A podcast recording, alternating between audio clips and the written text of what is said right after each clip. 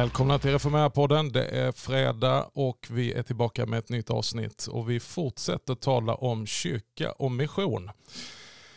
På den tonen så ska vi också koppla till att vi nästa vecka har mission i Sverige där vi talar om temat en växande kyrka. Eh, när vi talar om mission så är det ju väldigt lätt att vi som i andra avsnitt kommer in i personlighetstyper, gåvor, verksamheter och aktiviteter. Därför tänkte vi ska borra lite djupare i begreppet mission och att tänka missionellt. Och med mig så har jag en expert på ämnet, min kollega och gode vän Martin Alexandersson. Välkommen Martin. Tack så mycket. Vi eh, arbetar tillsammans på EFS Sverigeavdelning och ditt ansvar ligger ju mycket i det här området kring nyplantering men också att tänka ganska mycket nytt. Eller ska vi säga Eh, reformerat, att ta tillbaka någon sorts grundläggande tänk om mission. Mm, absolut, precis så. Och jag tänker en, eh, så har inte min arbetsbeskrivning alls sett ut, men Eh, utan det har varit mycket mer fokuserat på, på nyplantering och, och, skapa nya gemenskaper. Men för oss så gjorde vi en utvärdering, ringde runt och, och pratade med alla EFS nyplanteringar och, och frågade lite, men vad, vad, vad, har, vad har ni gjort? Vad har ni försökt göra? Vad har ni lärt er? Och så vidare. Och där såg vi tydligt de missionella behoven som fanns hos dem. Och, och drog det vidare och såg att ja, men, det är ju egentligen ingenting som är en, en nyplanteringsfråga eller nyplanteringsproblem, utan det är ju mer eh, våra nyplanteringar är egentligen frukt av våra befintliga gemenskaper. Mm. Eh, så att det här är snarare ett, ett, bredare, bredare utmaning som egentligen jag skulle nog tro att hela kristenheten i Sverige lite till mans eh, har ett problem med. Det ligger lite mer på operativsystemet så att säga om man talar i sådana mm. begrepp. Att, att ja. ja men absolut. Vårt operativa system har blivit eh, deformerat så att vi, vi tänker mission på, på, ett, på ett sätt komplicerat och bakvänt sätt. Mm. Men du, det ska, vi, vi, ja, förlåt. det ska vi bara lite mer i. Men jag tänker på de lyssnare som inte, som inte vet vem du är Martin. Eh, ge en kort presentation av dig själv, vem du är och vad du har gjort och gör. Mm, jag är gift med Hanna, vi har tre barn, bor i Göteborg. Eh, och jag har jobbat i eh, 15 år eh, snart, EFS, på, med de här ansvaren. Och för nästan 20 år sedan var jag med och startade en, ehm, den första utav då två nyplanteringar som jag varit med och dratt igång och eh, lett. Och sen har jag jobbat mycket med Alltså att hjälpa andra människor i, ehm, i att starta, både missionellt och att starta nya gemenskaper, både i Sverige och sen har jag haft en del, en hel del tid i Europa, Mellanöstern. Eh, så det har varit hobby och, och jobb i, i, nästan två decennier nu för mig. Och du är också involverad i det här mer ekumeniska projektet kan man väl kalla det, M4? Absolut, det är ju ett, ett nätverk där vi jobbar med eh, en träningsform i det. Och även det nätverket som heter Vidare, där då åtta samfund och två organisationer, missionsorganisationer har gått ihop och sagt men vi vill hjälpa varandra mm. i att plantera um, um, nya, nya gemenskaper i Sverige. Så att um, precis, det, det, finns en hel del sådana ekumeniska både erfarenheter och kontakter i mitt liv. Ja, så är det. Och, och det jag tänkte att jag är spänd på, skulle vilja borra lite i, det är just tankegångarna bakom egentligen inte kopplat till varken om man planterar nytt eller om man är en gammal traditionell kyrka, utan just operativsystemet. Hur tänker man missionellt? Eh, du är mm. aktuell med, med en bok som du och din kollega Mikael Artursson och Torbjörn Larspass släppte här till vår årskonferens Leva mission tillsammans. Mm. Och de tre orden tänker jag att vi ska röra vid. Både vad innebär det att leva mission och tillsammans. Mm. Men, men om, om, du skulle börja på liksom ground basic nivå, eh, vad, är de, eh, vad är de första missförstånden du stöter på när det talas om mission? Mission i sig märker man ju, eh, vilket är en oxymoron, alltså någon, någon hel knepig grej att mission är ett så känsligt begrepp idag i i alla fall svensk kyrklighet i vissa delar. Mm. Och när man väl överkommer det och kommer in och talar om mission så finns det, men vad är det, vad är det vanligaste du stöter på som är liksom missförstånd kring vad mission är? Jag tänker, för många är det ju att, att det handlar om långt bort, eh, andra länder, eh, experter eh, och har egentligen ingenting att göra med tanten i min trappuppgång att göra, mm. utan det är, det är de som är sända som missionärer eller möjligtvis när jag ger till vår utlandsmission. Det är där definitionen är.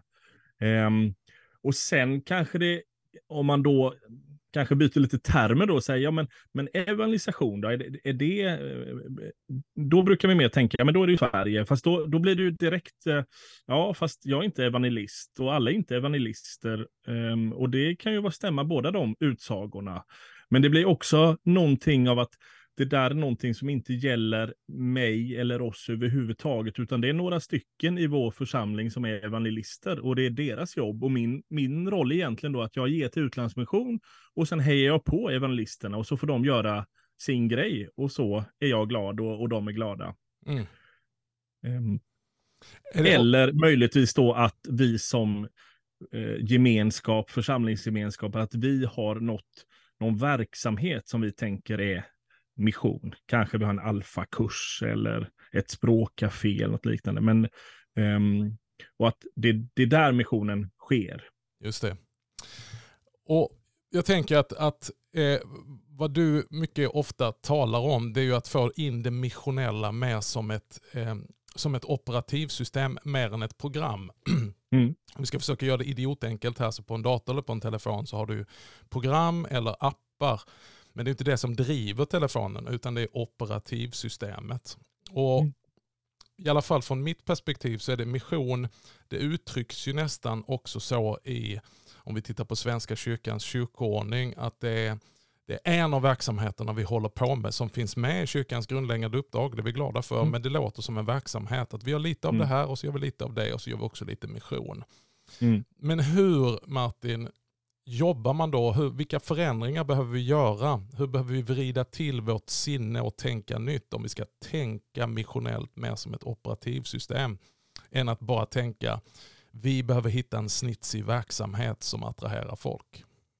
Mm.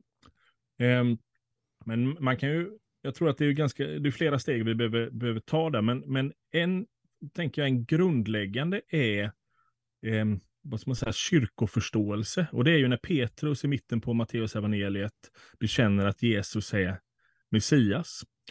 Då, dels är det väldigt intressant att, att hela Matteus ändrar inriktning.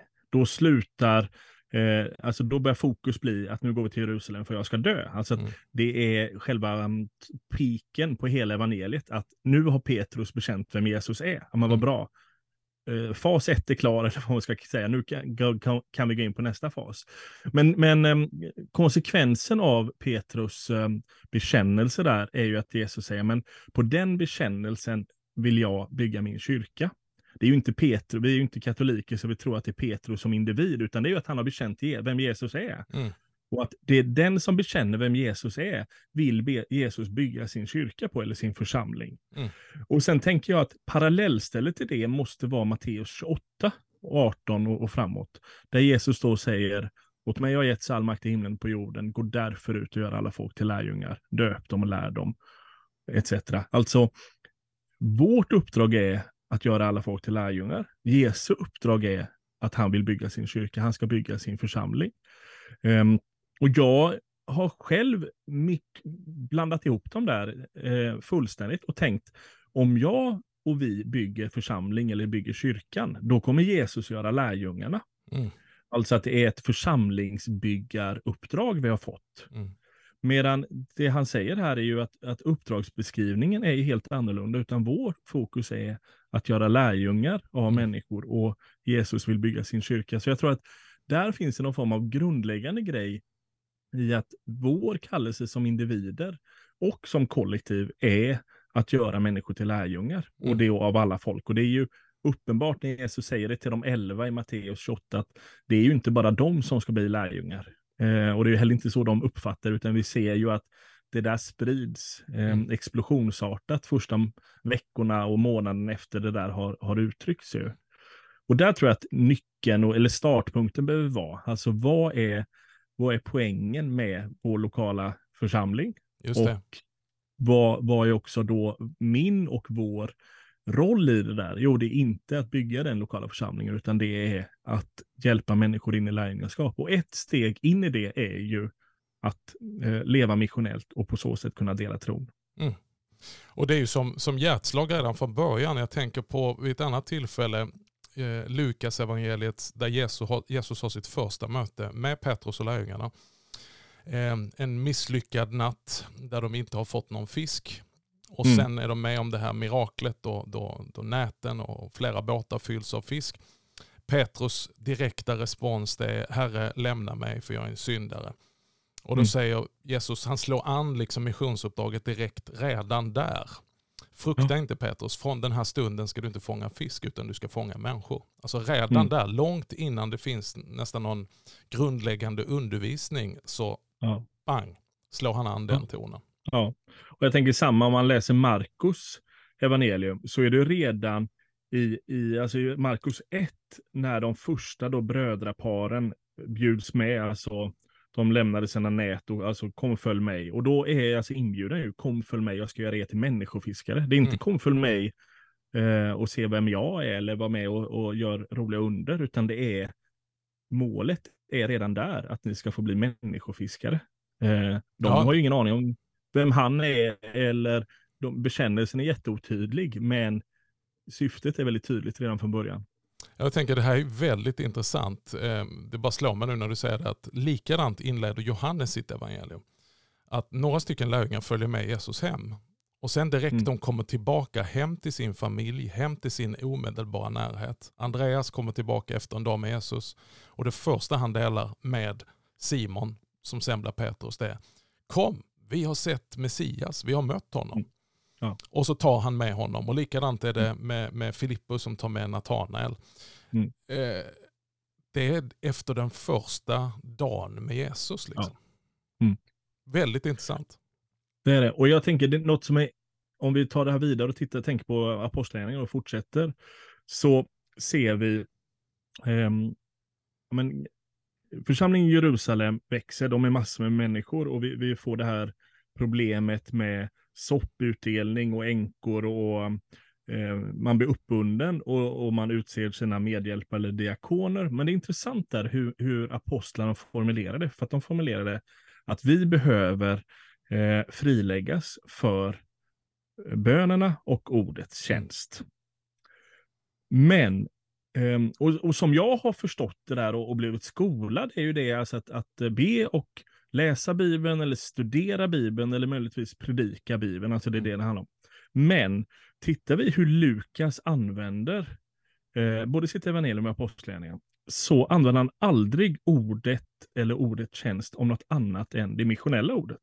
Det förkunnade ordet helt eh, enkelt. Ja, Mm. Så att alltså ett, ett förkunnat ord mot en icke-kristen eller mm. mm. gentemot en icke-kristen. Mm. Och eh, så det har ingenting med någon form av egen fördjupning och studium, utan mm. det handlar om, eh, och en, en återkommande formulering är att ordet hade framgång. Mm.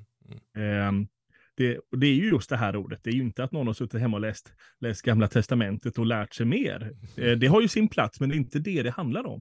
Och det är så intressant där är ju att verserna efter, när de har blivit frilagda, när diakonerna har kommit in, då står det ju att eh, ordet hade framgång. Mm. Och att de antalet lärjungar i Jerusalem eh, ökade, växte. Ökade kraftigt.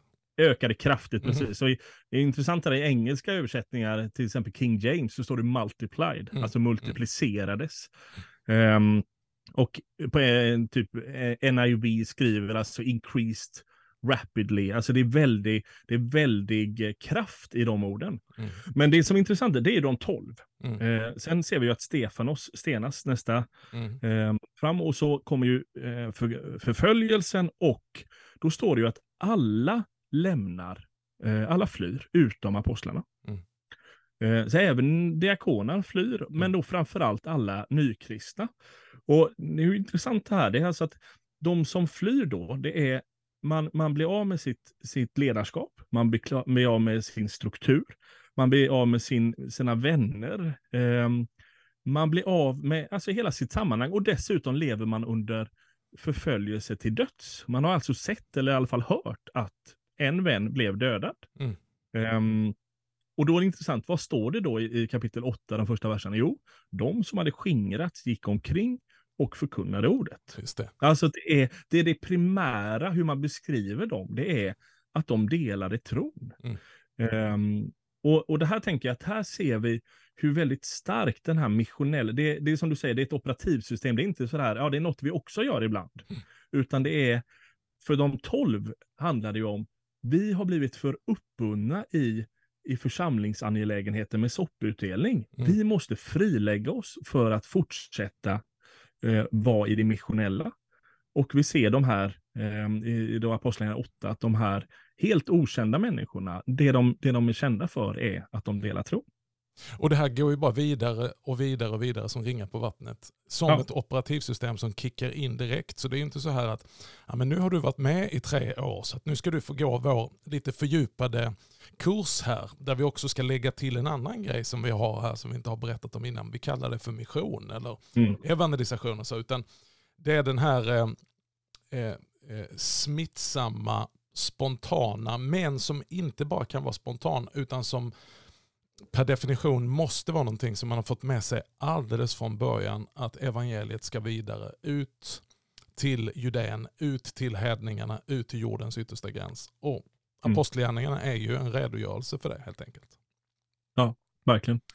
Ehm, och där är det inte, jag tycker det är jätteintressant där, men den enda som omnämns som evangelist i hela Nya Testamentet, är, eller förutom Jesus då, men efter Jesus är ju Filippos. Eh, läser vi om vad, han gör, så har vi, ehm, vi har då den, den kända etiopiska hovmannen, som han, jag säga, knappt han, han döpa innan han Mm. han försvann i.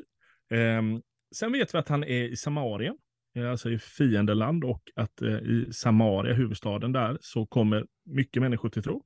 Och sen hamnar han i Caesarea.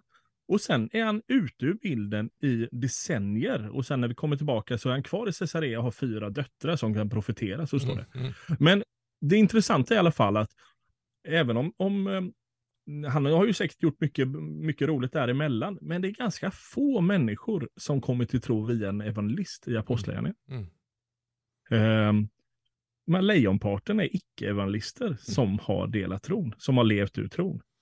Och till, Eh, och de här, om vi pratar om de här nu som spriddes i Apostlagärningarna 8, det är ju de som hamnar i Antiochia, några av dem, Mm. och som det blir en församling som sen sänder eh, Barnabas och Paulus på missionsresorna. Så hela den Turkiet, och Greklandsmissionen, Italien, eh, som, som blir av missionsresorna, allt det kommer ju av de här som skingrades efter Stefanos död. Helt okända människor.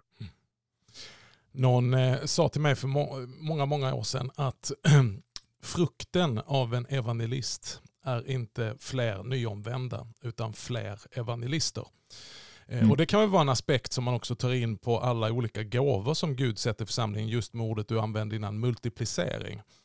Att det finns också gåvor som inte bara är satta i kyrkan att utföra jobbet åt oss, precis som du var inne på. Och vad skönt, här har vi en evangelist. Utan en evangelist tänker jag också, del, en stor del av den kallelsen är att resa upp andra evangelister, att göra församlingen evangelistisk. Absolut. Jag håller helt med. Och också tänker jag att, att hjälpa mig som inte är evangelist. Hur kan jag leva Mm. Eh, ett mer missionellt liv? Vi hade för några år sedan Arne Skagen på EFS årskonferens. Eh, och i, i samband med det så översatte vi hans bro, bok som heter En Gräv där du står. Eh, och, och han är ju en evangelist som jag personligen har, har lärt mig jättemycket av i det här. I att, att leva mer missionellt. För att för honom blev det, har det varit väldigt, um, ja, han, han, han lever på ett sätt som blir utrustande, eller hans sätt att undervisa, eller hans sätt att skriva, att jag känner, ja men det där skulle jag ju kunna göra. Mm. Eh, Det, här skulle, det där är inte otänkbart för mig. Medan en del människor eh, blir mer min reaktion, oj oj oj, det där är helt otänkbart för mig. Jag skulle aldrig kunna vara, eh, vara sån där. Mm. Eh, så jag blir snarare mer defensiv än att jag vågar ta ett steg framåt. Men du, här kommer vi in på det som jag tänker är lite som jag kallar för operativsystem. Vi har det i eh, vår uppdragsbeskrivning i FS och det är titeln på boken du har varit med och skrivit att leva mission. Mm. Eh, och direkt med de två orden tillsammans eh, så, så tas vår tanke bort ifrån att mission är inte någonting vi gör på tisdagskvällar mellan klockan sju och klockan nio eller på lördag förmiddag. Utan det är någonting som man lever. För den som är helt obekant med det här uttrycket så, så kan det ju låta Eh, trubbigt. Och så, vad, vad, betyder det? Leva mission? Om du skulle liksom unpack det lite grann. Eh, ett missionellt eh, tänkesätt för livet. Alltså mission är inte någonting jag går till och utför på en lokal någonstans eller en outreach ens. Utan det är någonting annat ni är ute efter. Mm. Um, ja, men jag, jag, tänker, jag vet att när man jobbade jobbar med den formuleringen i FS um, ehm, uppdrag, alltså, då funderar man på att leva i mission eller leva mission. Eller, och, då, och jag vet i alla fall att man sa att leva i mission låter som om det är någonting man kan gå in och ur. Alltså, mm. ja, nu är det en udda vecka, då, ja, men då lever jag inte i mission, men nu kommer mm. en jämn så att nu lever jag. Utan det vi vill åt här är ju att detta är en livsstil. Mm. Eh, ungefär som jag tänker eh, generöst eller utgivande eller inlyssnande. Det är någonting, det är någonting som präglar en, en människas alla möten eller alla säga, relationer eller attityder. Och det är ju där, tänker jag, om, om eller EFS, när man då uttrycker sig eh, leva mission, så är detta, men det här är utifrån då missionsbefallningen som ju ges och har alltid tolkats som att det är för alla kristna i alla tider. Det är ju Precis. inte bara präster eller inte bara de elva, utan det är för oss alla på, utifrån våra förutsättningar. Då, då blir det mer frågan, men hur kan jag leva dag för dag eh, där missionens uppdrag men, är på min dagordning. Precis som jag tänker det är självklart för mig som kristen att på dagordningen varje dag är att se hur kan jag upptäcka mer av, av Jesus. Mm. Um, det är ingenting, ja men på, på torsdagar bryr jag mig inte, men, men sen är, vill jag veta mer av vem han är. Utan det är ju ett, um, ett sätt, och, och som ju då kan få väldigt praktiska konsekvenser för mig. Mm. Och jag tänker man kan koppla det lite till, säg att man har barn i uppfostringsåldrar, alltså lite då yngre barn, så kan man ju inte styra när de viktiga samtalen kommer. Alltså du kan ju inte säga, ja, nej men jag är pappa, ja men efter, efter middagen på torsdagar, då har vi de här det är då du får komma och säga att de andra barnen slår dig i skolan eller att du inte fick vara med eller att du inte tycker om fotbollsträningen längre. Utan man får ju bara ta det på volley alltid. Ja, livet, det... livet händer helt enkelt och det handlar om ja. att vara närvarande var livet händer. Precis, och det är precis samma sak här med, med Leva Mission. Att eh, står jag i lekplatsen och gungar eh, min dotter och det står en mamma bredvid som säger ja, nej men eh, eh hur kan man tro på en gud när människor dör omkring en? Mm. Då kan ju inte mitt svar vara du, vår församling tänkte nog ha en alfakurs nästa termin. Är, är det okej okay att jag bjuder in dig då? Mm. Uh, eller vill du komma på gudstjänst på söndag? Mm. Um, alltså det är, det blir väldigt, um, det är ju någon, även om inte jag har alla svar eller perfekta svar eller vet vad jag ska säga i det, men, men det är ju där, tänker jag, den missionella um, ingången öppnade sig. Det är ju hennes, det är ju hennes, hennes påstående där. Det, det, är väl ehm, där, som gör det. det är väl där den här lögnen också har fått fäste. Eh, där kyrkan hela tiden i olika varianter har de här debatterna. Kyrkan når inte ut. Kyrkan måste nå ut. Och Det där kan ju låta så otroligt krampaktigt. Men, men framförallt så tror jag att det, det är en lögn. Eftersom alla är vi med om de här mötena i vardagen. Absolut. Om vi gungar Absolut. våra barn eller barnbarn eller om vi går till arbetet eller om vi överhuvudtaget bara lever någonstans och bor någonstans så har vi grannar mm. som vi stöter på. Ja. Eh, och där, så jag tror att det handlar om, precis som du säger, kyrkosyn. Vem är kyrkan? Vi vill ju gärna förlägga det till en lokal på en adress. Innanför de dörrarna i den lokalen så finns det ansvariga, anställda ledare och frivilliga ledare och vi gör massa program som vi hoppas att det ska komma massa folk till. Och mm. är vi extra brinnande och hängivna engagerade medlemmar så kan vi till och med vara med och bjuda in till de samlingarna. Behöver inte vara mm. fel, men det är där någonstans jag tror att det är en bugg i vårt operativsystem. Istället för att vi faktiskt i varje mässa blir sända. Och ibland så tänker jag att den där sändningen tar vi inte riktigt på allvar. Men Nej. Gud tar den på fullt allvar. Att när han har gett oss Kristus så är vi bärare av Kristus. Och när vi går ut genom de dörrarna, det är inte då det är slut utan det är då det börjar. Mm. Och då vandrar ju vi, alltså det är, det är, inte så att vi sätter oss på ett flyg och åker till eh, liksom bortre Asien eller någon annanstans. Utan vi, vi, vi går ju dit där vi tror Gud i sin plan och i sin nåd och sin suveränitet har ställt oss och har en tanke för oss. Att det är där mm. vi ska vara missionärer. Ja, absolut. Och där tänker jag också att en nyckelbibelord just för det du beskriver, det är ju eh, alltså bara versen, alltså att ge som gåva vad du fått som gåva. För det, det, är så, det är en briljant formulering för att det betyder att du inte kallar att ge något som du inte själv har fått. Så släpp det bara. Mm. Eh, ja, du har inte svar? Nej, absolut. Du har inte svar. Mm. Jag vet inte vad jag ska uttrycka om det där. Nej, det är inga problem. Alltså, det är så lätt att vi tittar på vår, vår begränsning och det är den som får de definiera oss. Och då, igen, ytterst sett är det ju väldigt mycket gudsbild här. Mm. För alltså är min, eh, är min eh, vad ska man säga, oduglighet eller min brist på kunskap, är den större än Guds duglighet? Mm. Blir ju frågan.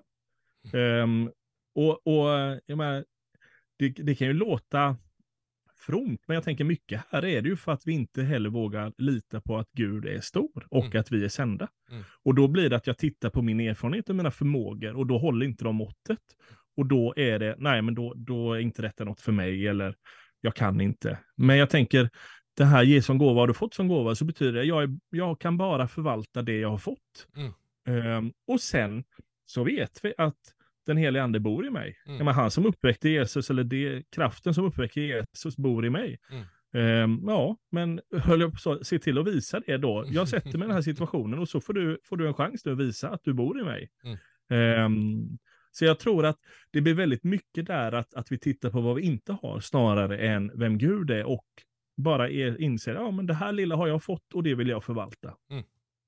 Ja, jag tror att vi ständigt underskattar att dela de här eh, vardags, eh, väldigt vardagliga sakerna som vi får uppleva genom vårt liv tillsammans med Jesus så tänker jag, men jag är ju ingen, jag kan inte liksom fem punkter om vad evangeliet betyder, utan just det personliga vittnesbördet.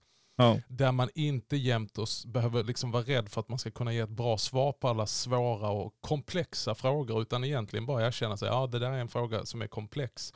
Men ja. det jag kan vittna om, det är det här lilla futtiga, eh, vad det har betytt för mig i vardagen. Det där är också mm. ett frö för evangeliet. Men framförallt är det ett relationsbyggande som jag känner att vi ibland, eh, jag tror de flesta har relationer, men vi tänker inte den relationen. Eh, det är där vi liksom, det krockar med aktivitetstänket på något sätt. Absolut.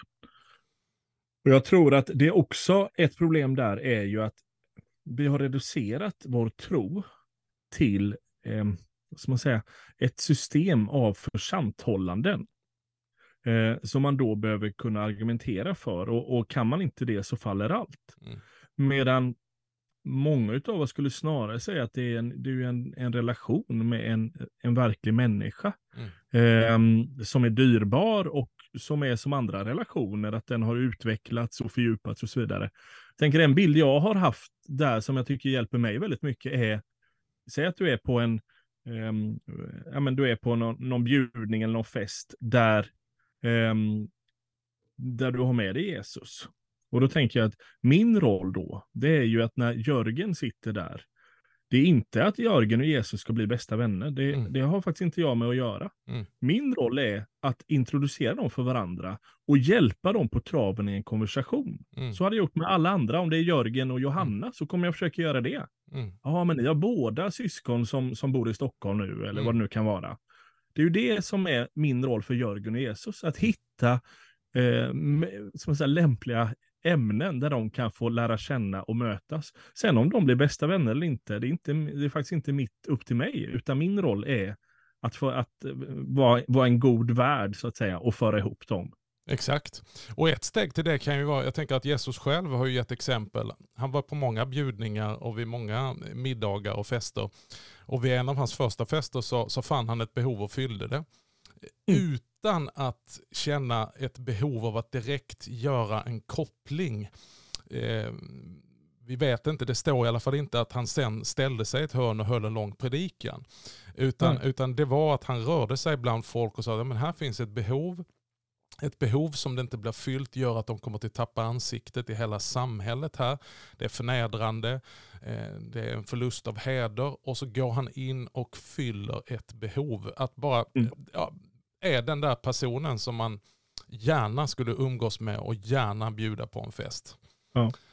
Och det intressanta är att vi ser i princip identisk attityd i, i mötet med ehm, um, Sackeus i, i Jeriko. Alltså Sackeus som är, är, är jude men jobbar för ockupationsmakten då i tullen, så han är ju mer eller mindre förskjuten och, och man ifrågasätter, kan man verkligen vara jude om man jobbar? Och vi ser att men Jesus säger till Sackeus, ja men du, jag vill hem och äta middag med mm. dig och mitt gäng. Så att mm. det är ju ett rätt stort grupp som, ja, som tränger sig på där.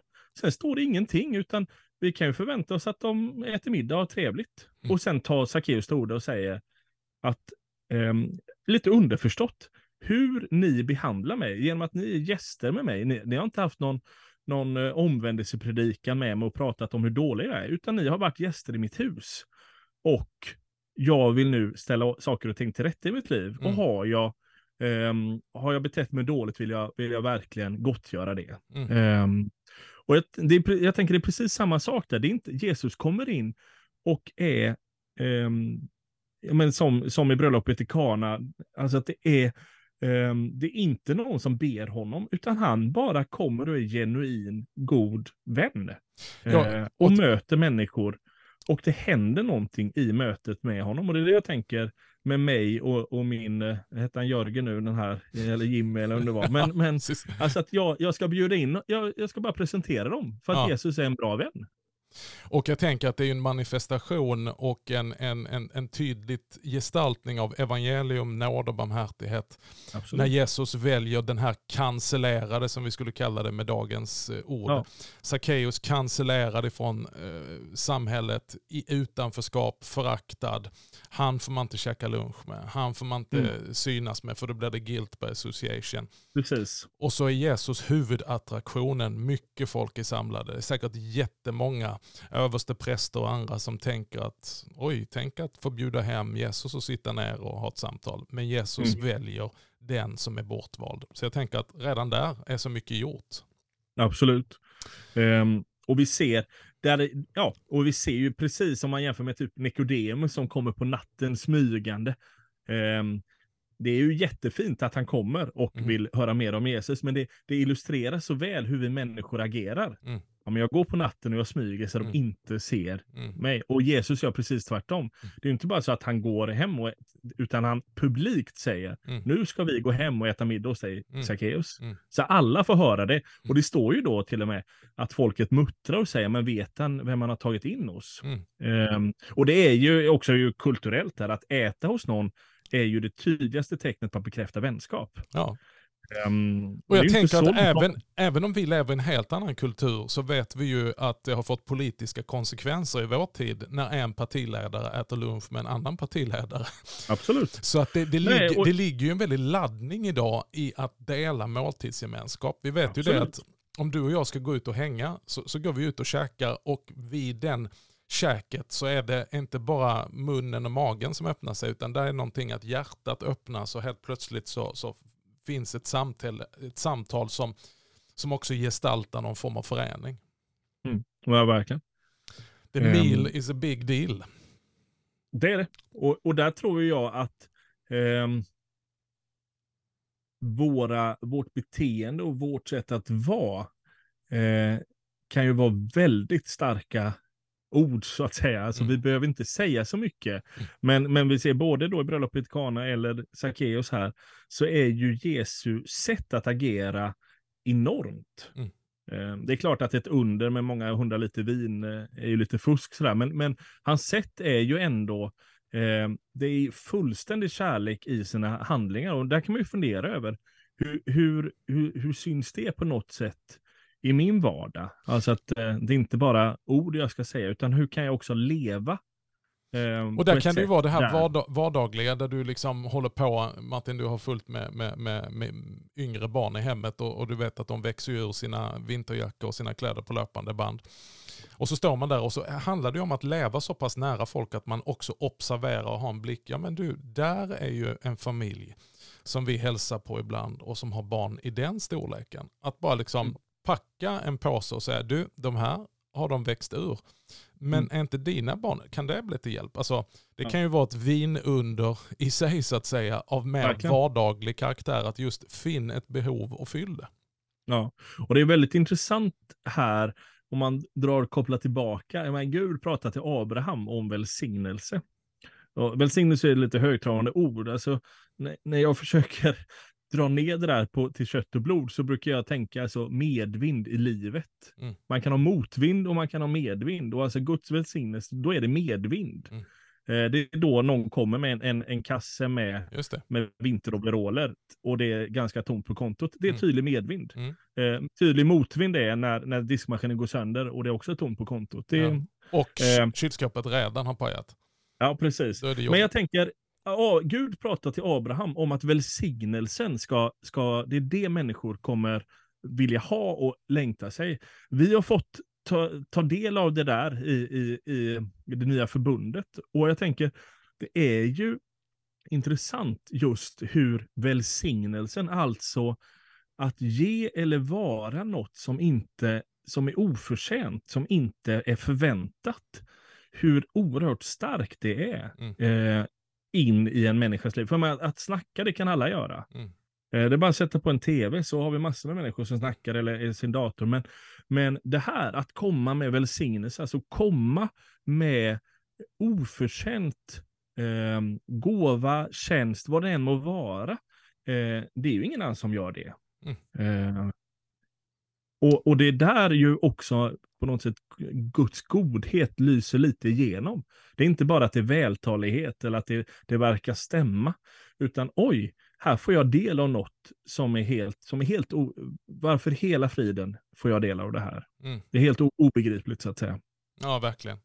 Men du Martin, eh, till slut här nu då, tiden går fort när man har kul, men eh, om du skulle bryta ner i lite bullet points som bara får mm. kasta ut utan att det är omöjligt att liksom göra det rättvisa och, och, och ge fullskaliga modellen.